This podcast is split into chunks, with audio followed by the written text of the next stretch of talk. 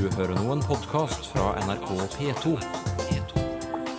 nrk.no-podkast. Bruker du ordet kakeskiv? Nei. Eh, bruker du soping? Nei. Skoleelever forsker på meråkerdialekten. Det er veldig få folk i Meråker som snakker den ordentlige dialekten, sånn helt sånn flytende. Det er heller ikke alle som kan reglene for lang og kort vokal. Programlederen i Språkteigen, f.eks. Mm. Vi sier ikke pent. Vi ser. Jo, på dia Jo, noen dialekter. på dialektene sier vi det. Vet du, Dette er forferdelig forvirrende! I dialektene, for der er, er det tendens til å beholde det systemet. Nevn ett typisk trekk ved norsk Sylfest Lomheim. Vi har en ufattelig kapasitet til å lage nye ord ved å sette dem sammen. Uh, Har du et eksempel? Strøbil, Og hva er det? det er en bil som vi strør utover. Er du sikker? Å ja da. Vi får se. Hvert år deler Forskningsrådet ut Nysgjerrigper-pris til unge forskere i barneskolen. Nytt av året er at det skal deles ut en egen språkpris. Den står dere i Språkrådet for, Svein Arne Orvik. Hva er det dere vil med en slik pris? Jo, det som er viktig for oss, det er å vise barn at det går an å forske på språk. At språk ikke bare er noe vi bruker alle sammen, men at en også kan eh, forske på språket. Og det tror vi at denne prisen kan være med på å få til. Ja, hva slags forskningsprosjekter er dere ute etter, da? Ja, det kan eh, være mye forskjellig. Både skriftlig språk og muntlig språk. Eh, Og det vi har sagt, er at prisen skal gå til et prosjekt der elevene utforsker et språklig emne som knytter seg til eh, norsk språk eller til forholdet mellom norsk og andre språk. Hvorfor vil dere at barn skal bli oppmerksom på at det går an å forske på språk? Jo, det er fordi at eh, språket utvikler seg hele tida. Og derfor må vi undersøke språket og forske på det for å forstå den utviklinga som skjer. Og det eh, kan barn bidra til, og vi må rekruttere nye språkforskere for framtida. Ja, og da er vi jo egentlig over på eh, noen eksempler på hva slags språkprosjekter som allerede er eh, meldt inn til dere. Kan du gi oss noen, eh, noen eksempler? Ja, det kan jeg godt. Eh, Vi vet om ei fjerdeklasse som undersøker hvorfor vi pleier å si at de kongelige har blått blod. Og på en annen skole så er det en femte klasse som har tatt utgangspunkt i et spørsmål som er bruker alle stygge ord. Og så eh, har vi to skoler der elevene forsker på dialekter på eh, hjemstedet sitt. Eh, Og vi har også en annen skole der ordet framsnakking blir utforska. Hva syns du om disse temaene? Ja, det er jo eh, flott å se at det er variasjon i temaet. Og skolene som er nevnt nå, de kommer faktisk fra veldig ulike deler av landet i tillegg, så det, det er fint. Ja.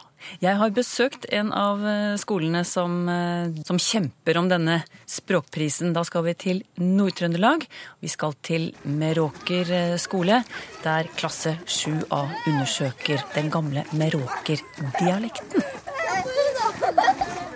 Hvilket ord syns dere er finest av de ordene her? Um, det er tarskiv. Tarskiv. Hvorfor er det fint? Jeg vet ikke, men det var bare fint. Ja. Hva var det det betød igjen? Ansikt. Har du noen favoritt? Husholestom. Jeg syns husholestom det er så tøft. Hvorfor det? Hvorfor er det tøft? Fordi at det, det er nesten ingen som bruker altså liksom Hvis du skal bort en tur, så ser du jeg er litt kald, kanskje jeg har ta på meg husholestom, og så er det nesten ingen som eh, vet hva det betyr. liksom. Ja, hvorfor ikke utvide ordforrådet med noen gamle uttrykk? Det har Rebekka og klassekameratene hennes gjort den siste tiden. De skal være med å konkurrere om Nysgjerrigpers språkpris. Vi forsker på om eh, språket vi har her i Meråker, morokkspråket. Om mye ungdommene bruker den dialekten nå, om, eller om vi har glemt den. Hva gjorde dere først, da dere hadde bestemt dere for at dette skal vi forske på? Eh, Vi måtte jo finne ut hva dialekten var, eh, hva hvilke ord og sånn. Og så måtte vi finne ut eh, hvem, nei, om det var noen som kom på noe sånt. Og så måtte vi nå spørre selvfølgelig ungdommene om noen kunne den. da. Hva gjorde dere for å finne ut hvordan den gamle meråkerdialekten var? Vi gikk rundt og spurte folk og sånn. Mm, Ja, bort med eh, gammelhjemmet, og så alle sånne gamle folk òg. Vi gikk til museet. Kikka litt i bøkene som ligger der og Så da fant dere ut litt om meråkerdialekten. Eh, Og da lurer jeg på Fant dere noen forskjeller på den meråkerdialekten og den som dere snakker i dag? Altså, så dere at, det var, at den var annerledes? Ja, eh, vi fant jo mye rart, da. For at det, det er jo mye ord som eh, vi ikke bruker, da. Som f.eks. husordlestom, eh, som vi ikke skjønte engang hva var. Hva er det for noe? Det er er ullester, eller ullsokker. Ja. eh, og så var det masse Vi, vi har jo ei bok som er Vi har fullt av ord, da. Så det er mye forskjeller, ja. ja vi skjønner, jeg skjønner nesten ikke hva alle ordene betyr og sånn, da. Nei, det er stor forskjell mellom dem, i hvert fall. Ja. Det er veldig mye sånn å-a og dobbeltkonsonanter i det gamle ordet. da. Altså det er ganske lange ord, egentlig. Har du noe eksempel som du husker? Roddodås. Det betyr jente.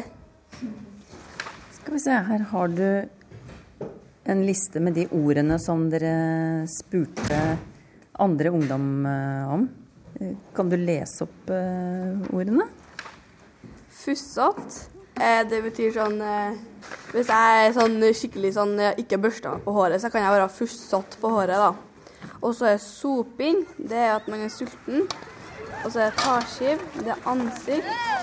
Håndfeng. Det er bestikk. Jeg lurer på om du kan noen morokdialektord. Eh, om du bruker dem.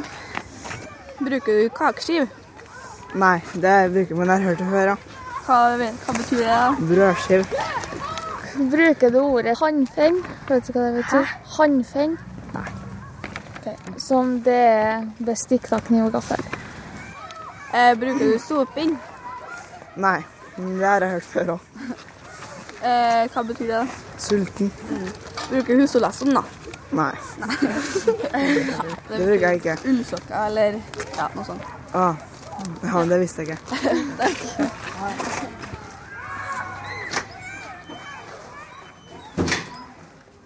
Men da dere hadde vært rundt og spurt uh, ungdom på deres egen alder om de kjente til ord og uttrykk fra meråkerdialekten, uh, hva var resultatet av det egentlig? De eh, kunne faktisk mesteparten av dem, og så var det jo dem som var vanskelige de ikke kunne. Sånn som nesten ingen kan, da. Men det må jo bety at den gamle meråkerdialekten er jo ikke helt eh, borte, da? Eller hva, hva kan vi lese ut av den undersøkelsen? Nei, den er jo ikke helt borte, men at det er jo ikke så mange som bruker det ordet til vanlig, liksom. Så det er veldig få folk i Meråker som snakker den ordentlige dialekten sånn helt sånn flytende. Så hva kan grunnen være til at tarskiv, hannfinn, trabbing og andre ord fra den gamle meråkerdialekten ikke har overlevd? Klasse 7A har funnet flere forklaringer. En av dem handler om tilflytting. Gruvedrift og smelteverk trakk til seg arbeidssøkende utenfra. I 1906 kom den unge ingeniøren Iver Høie til Kopperå sammen med kona Lille og de tre små barna deres. Får jeg låne saken? Gjengen sitter rundt et bord med bunker av bøker. Kilder som kan hjelpe dem til å finne svar på problemstillingen. Hvorfor snakker ikke dagens unge i Meråker den gamle dialekten? Det leses høyt, det noteres, og utvalgte setninger blir ført inn i prosjektet som er lagret på data, selvfølgelig. Om ikke familien var blitt heimsøkt av et eventyr. Jeg leser det. Og så alt på nytt. Hvorfor leser dere om eh, gruvedriften som var her på Meråker, og smelteverket? Fordi at det var ganske mange som kom utenfra, og liksom at vi fikk Vi tok deres dialekt litt, da, så at det, derfor så ville vi vite om det var mange som kom hit da, med annen dialekt. Ja, hva kan det ha hatt å si for meråkerdialekten? At eh, det er mange som eh, tar deres dialekt og sånn. At eh, vi ikke bruker vår noe mer. Vi blir liksom påvirka av deres dialekt. Kan det være andre grunner eh, også til at dialekten har forandret seg? At vi faktisk glemmer den. At eh, ikke vi lærer alle ordene av de gamle. At eh, de ja, rett og slett glemmer dem. Ja. Men hvorfor, hvorfor glemmer dere dem, da? Vi ser jo på TV og på, inn på dataen, og da står det jo mest på bokmål, så da ser vi jo, eller lærer vi ordene der også.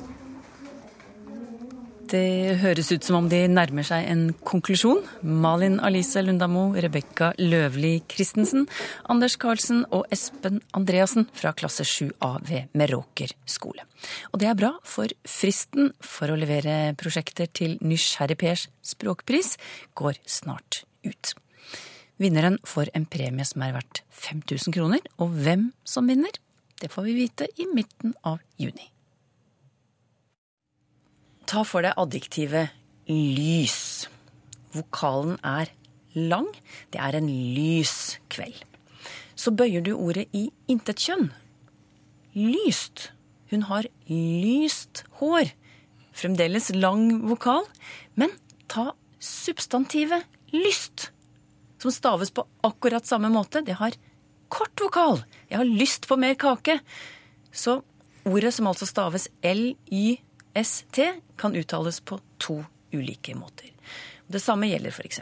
akt og akt, eller mast og mast. Samme stavemåte, to ulike uttaler. Eiendommelig, skriver en av lytterne våre, Rudi Kessel. Han har sendt oss en e-post om lange og korte vokaler. Og før vi nå går videre, så trenger vi en, eh, en kort innføring i reglene her. Språkforsker Arnold Dalen ved NTNU. Hvorfor er det lang vokal i adjektivet lyst, men kort vokal i substantivet lyst? Det er fordi at det er i bøyingsform. En har utgangspunktet lys, og så legger en til den T-en, da, nøytrumsforma. Og så bevarer en det iallfall i skal vi se, normalisert uttale. Hvis en går til dialektene, så vil en nok finne lys og at det er lyst i, eh, i nøytrum. Lysthår. Så det kan en godt si. Så, og det er jo i samsvar med systemet som en har i norsk. Nemlig at en har lang vokal, der det er bare én konsonant etter vokalen. Mens blir det eh, lang konsonant etterpå, dobbel konsonant kan en si da, eller sammensett, så eh, blir vokalen kort. Altså kan ta motsetninger mellom mat og matt, og kan ta mast, som var en kort vokal. Det er systemet. Men i bøyinga så kan en få brudd på det systemet, da. Ja, da har vi det sånn noenlunde på plass, og da fortsetter vi med brevet fra Rudi Kessel. Han vil gjerne vite hvordan det norske systemet har oppstått, og når vi fikk det. Og da tror jeg vi må rett og slett kaste et blikk bakover i tid, Arnold Dalen. Hvordan markerte vi lang og kort vokal før? Altså før vi fikk reglene vi har i dag. Ja, det spørs nok hvor langt tilbake en skal gå i tid, da. Ja, det var det. Eh, Kan vi ikke gå til tiden før rettskrivningsreformene våre? De hundreårene vi lå under Danmark og var preget av dansk skrivemåte. Eh, Hvordan markerte danskene lange eh, vokaler? Jo, det var to system som de hadde. Det ene var at de fordobla vokalen. De skrev mil, de skrev ris med to i-er. De har eh, sten med to i-er, og vi har hus med to u-er. Og så hadde andre var at de kunne sette en e. Det var etter o. Så de skrev sol med ol. Og de skrev myr med myer. Det går jo tilbake til tidlig dansk tid, da. Ja. At vi doblet vokalen. Dob doble vokalen, eller at skrive, å skrev med e etterpå. Og det systemet var bevart i norsk eh, fram til 1862. Jaha, hva skjedde da? Da ble det tatt bort. Og det var det første rettskrivingsvedtaket som var gjort i norsk. Men hvorfor ble det tatt bort? Nei, det var en forenkling. Og det var forresten i, i sammen med en del andre forandringer, da. F.eks. At de forandra CK til KK og CH og tok bort sånne ting, og PH for F. Og, og, og dansk har jo òg gått bort ifra det. Det er jo ei forenkling av skrivemåten, da. Ja. Ja. Men når fikk vi det systemet vi har i dag, som jo du forklarte i sted? Ja, det, altså det, vi var, det var jo dansk vi hadde den gangen. Og dansk har et, har et litt annet stavingssystem enn det vi har i norsk. Blant annet så f.eks. hvis vi har kort vokal, øh, så fordobler de ikke konsonanten etterpå. En katt, f.eks., det skriver de jo KAT. Ja. Men det har sammenheng med det at de uttaler det kort òg. De sier jo cat, ja, det gjør de. Ja. og de sier en hat. Så, mens norsk, vi forlenger konsonanten etterpå. Så det at systemet passer ikke. Og problemet oppsto da vi fikk en eh, rettskrivingsreformen i 1907. Da han gikk bort fra det vi kaller de bløte konsonantene. Så et had gikk over til hat. Men nå hadde de jo hatt fra før, nemlig på ordet hatt. Det skrev de med HAT. Så det ble til sammenfall. Og da måtte de gjøre noe med systemet, og det ble da gjennomført i 1917. Akkurat. Ja. Så, Så det, det hang sammen, de to problemene. ja, så det gikk litt trinnvis, denne endringen her da, fram til det systemet det vi, vi har i dag. Ja. ja. Så fins det unntak i dag fra denne regelen? Ja, vi nevnte jo det til å begynne med. At vi f.eks. ved bøyings, bøyingsformer så får vi til dels bevart den lange vokalen framfor konsonantgruppe. Jeg nevnte jo det derre lys, lys, det var jo nevnt. Og mm, pen og pent, f.eks. Mm. Vi sier ikke pent. Jeg- Jo, på dial Jo, noen dialekter. på dialektene ser vi det. Vet du, Dette er forferdelig forvirrende! I dialektene for der er er det tendens til å beholde det systemet som er det generelle systemet for norsk. Så det sier de pent og lyst eller lyst. Og, så dialekten bevarer det. Men vi har jo òg i normalisert prøve Vi ser vanligvis ikke prøvde, men prøvde. Forkorte der. Leve, levde eller levde. Kan du finne begge deler. Men det det er nå tilfeller som det er kanskje fordelaktige å bevare den lange vokalen, da. F.eks. vise, viste. Blir noe annet enn å vite og visste. Men jeg, jeg kan jo tenke meg for eh, en som kommer til Norge og skal lære seg norsk, og da skal prøve å finne ut av dette med lang og kort vokal. Eh, hvis du skulle være pedagog for vedkommende, gjenta nå hovedregelen som, som det går an å støtte seg til når man skal prøve å orientere seg i denne jungelen. Ja, Hovedregelen er altså at en lang vokal har den framfor enkel konsonant. Kort vokal framfor lang konsonant, eller dobbel konsonant, kan en si da, eh, eller konsonantgruppe. Men i bøyingssystemet så kan en få unntak fra den regelen. Takk skal du ha, språkforsker Arnold Dalen ved NTNU. Og takk til vår lytter Rudi Kessel, som brakte spørsmålet om lang og kort vokal på banen. Du får en påskjønnelse i posten. Så var det oss da, Sylfest Lomheim, Ja. og flere lytterspørsmål. Peter Hansen skriver til oss om et uttrykk som er mye brukt i norsk dagligtale. Å komme i siste liten, eller han klarte det i siste liten. Hvorfor heter det liten her, spør Peter Hansen. Ja, det er iallfall ikke Det har ingenting med liten, altså det som ikke er stort, å gjøre. Å komme i siste liten, vi hører at det er et substantiv. Og det er et gammelt substantiv i norsk som tyder ei stund, eller ei tid. Å komme i den siste stunda, eller komme i siste tida. Vi har jo òg Det er nå et annet ord, et annet verb. Det lakkar og lir. Og lir betyr jo å gå om tida.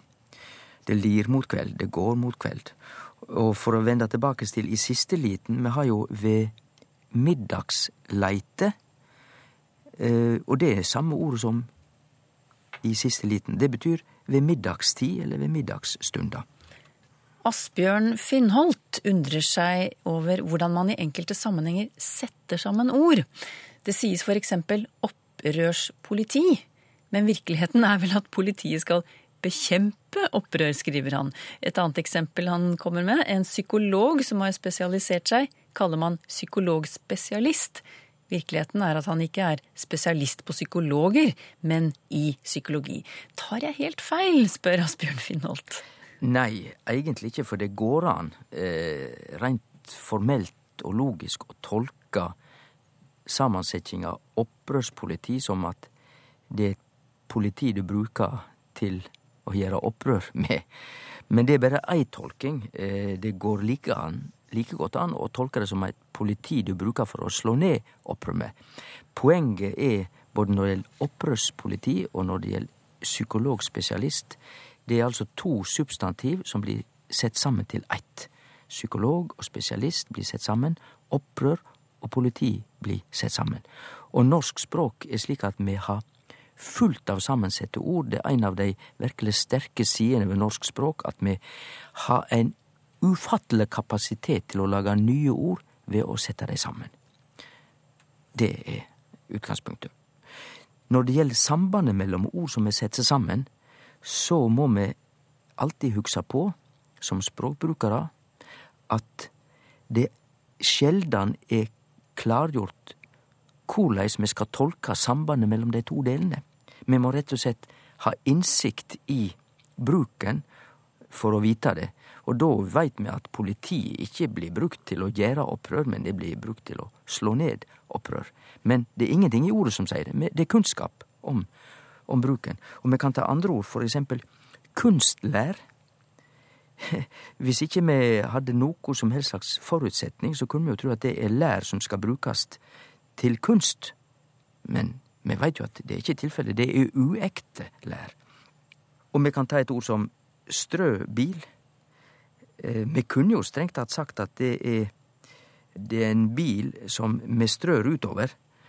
Men, men det veit alle at det ikke er. Det er rett og slett ein bil som strør. Og det er kunnskap om bruken som ikke vi kan lese ut av sammensetninga av de to orda strø og bil.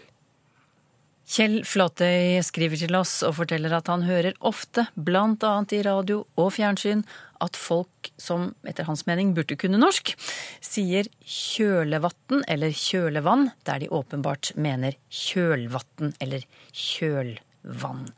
Han vil at vi skal forklare forskjellen på disse to ordene, og kanskje antyde hvorfor det er så vanlig å forveksle dem. For det første så tror jeg at folk forveksler disse orda, og det gjør de virkelig ofte, og det er irriterende, naturligvis for de som kan norsk. Men når de forveksler det, så er det fordi at de ikke veit noe om opphavet til ordet kjølvann eller kjølvann. Kjølevann eller kjølevann er jo sikkert mer kjent, fordi at det er det du Det er den væska du bruker for å kjøle ned noe, altså ei kjølevæske. Så det kan vi da legge til sides. Men kjølvatn, det skriver seg fra gammelt sjømannsspråk. Når ein båt segler på sjøen, så ser vi jo bak båten ei stripe i vatnet. Det er det vatnet Det mønsteret som blir danna av kjølen gjennom vatnet. Altså, vi ser stripa bakover. Og det betyr at kjølvatnet, det er det som er bakanfor båten. Og vi kan bruke kjølvann om det som kjem etterpå. Etter vi fer framover.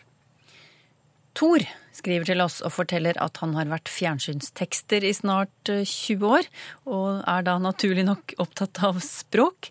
Og han irriterer seg over bruken av ordet rollemodell. Er ikke dette ren anglisisme, sier han. Det står ikke i bokmålsordboken, og burde derfor i alle fall ikke brukes av journalister og nyhetsopplesere. Hva med bare å si forbilde? Sylfest, har du lyst til å kommentere dette her? Ja, For nå er vi inne på et område der det nok vil være litt ulike syn. Men jeg er heilt sammen med Tor. Jeg skjønner ikke at det er noe vinning å bruke ordet rollemodell når vi har det heilt greie og forståelige ordet et forbilde. Fordi eh, rollemodell kunne jeg godt tenke meg å bruke, selvsagt sjølsagt hvis det var snakk om eh, film og teater, men ikke utenfor det. Da tror jeg det bare blir tull og ikke noe vinning i presisjon i det hele tatt. Det er mitt syn. Freddy Langrind kaller seg visemaker og har ulike ordbøker liggende permanent fremme, som han skriver. Han sier 'jeg liker verbet å strøse', men det finner jeg ikke i noen norske ordbøker. Ei heller i min svenske. Mistenker at det kan være dansk. Men uansett brukes ordet på blogger her i landet av unge mennesker. De strøser gjerne gjennom byen, lett avslappet. Burde ikke dette ordet inn i ordboken, spør han. For det første så syns jeg dette er et um, veldig godt ord, et godt verb. De strøser, altså streifer, gjennom byen. Lett avslappet. Men det betyr ikke at det nødvendigvis skal inn i ordboka, fordi ordbøkene, hvis vi tenker på bokmålsordboka og nynorskordboka, som er de offisielle ordbøkene våre, så inneholder jo de bare de 100 000 vanligste orda i norsk. La oss si det, cirka. Og strøse er jo ikke der ennå, det er sjeldnere enn som så. Men det er ikke til noen grunn til å ikke bruke ordet, som sagt, for det er et godt ord. Når det gjelder selve ordet, så er det noe i slekt med strøtanker og strøjobbing. Strø har med streif å gjøre, det som er litt tilfeldig. Det som blir dryssa tilfeldig utover, kan det være. Så det er til og med mogleg at det historisk sett er i slekt med strå. Språkteigen er slutt for denne gang. Har du forslag til temaer vi kan ta opp, skriv gjerne teigen krøllalfa nrk.no, eller Språkteigen NRK Tyholt 7005 Trondheim.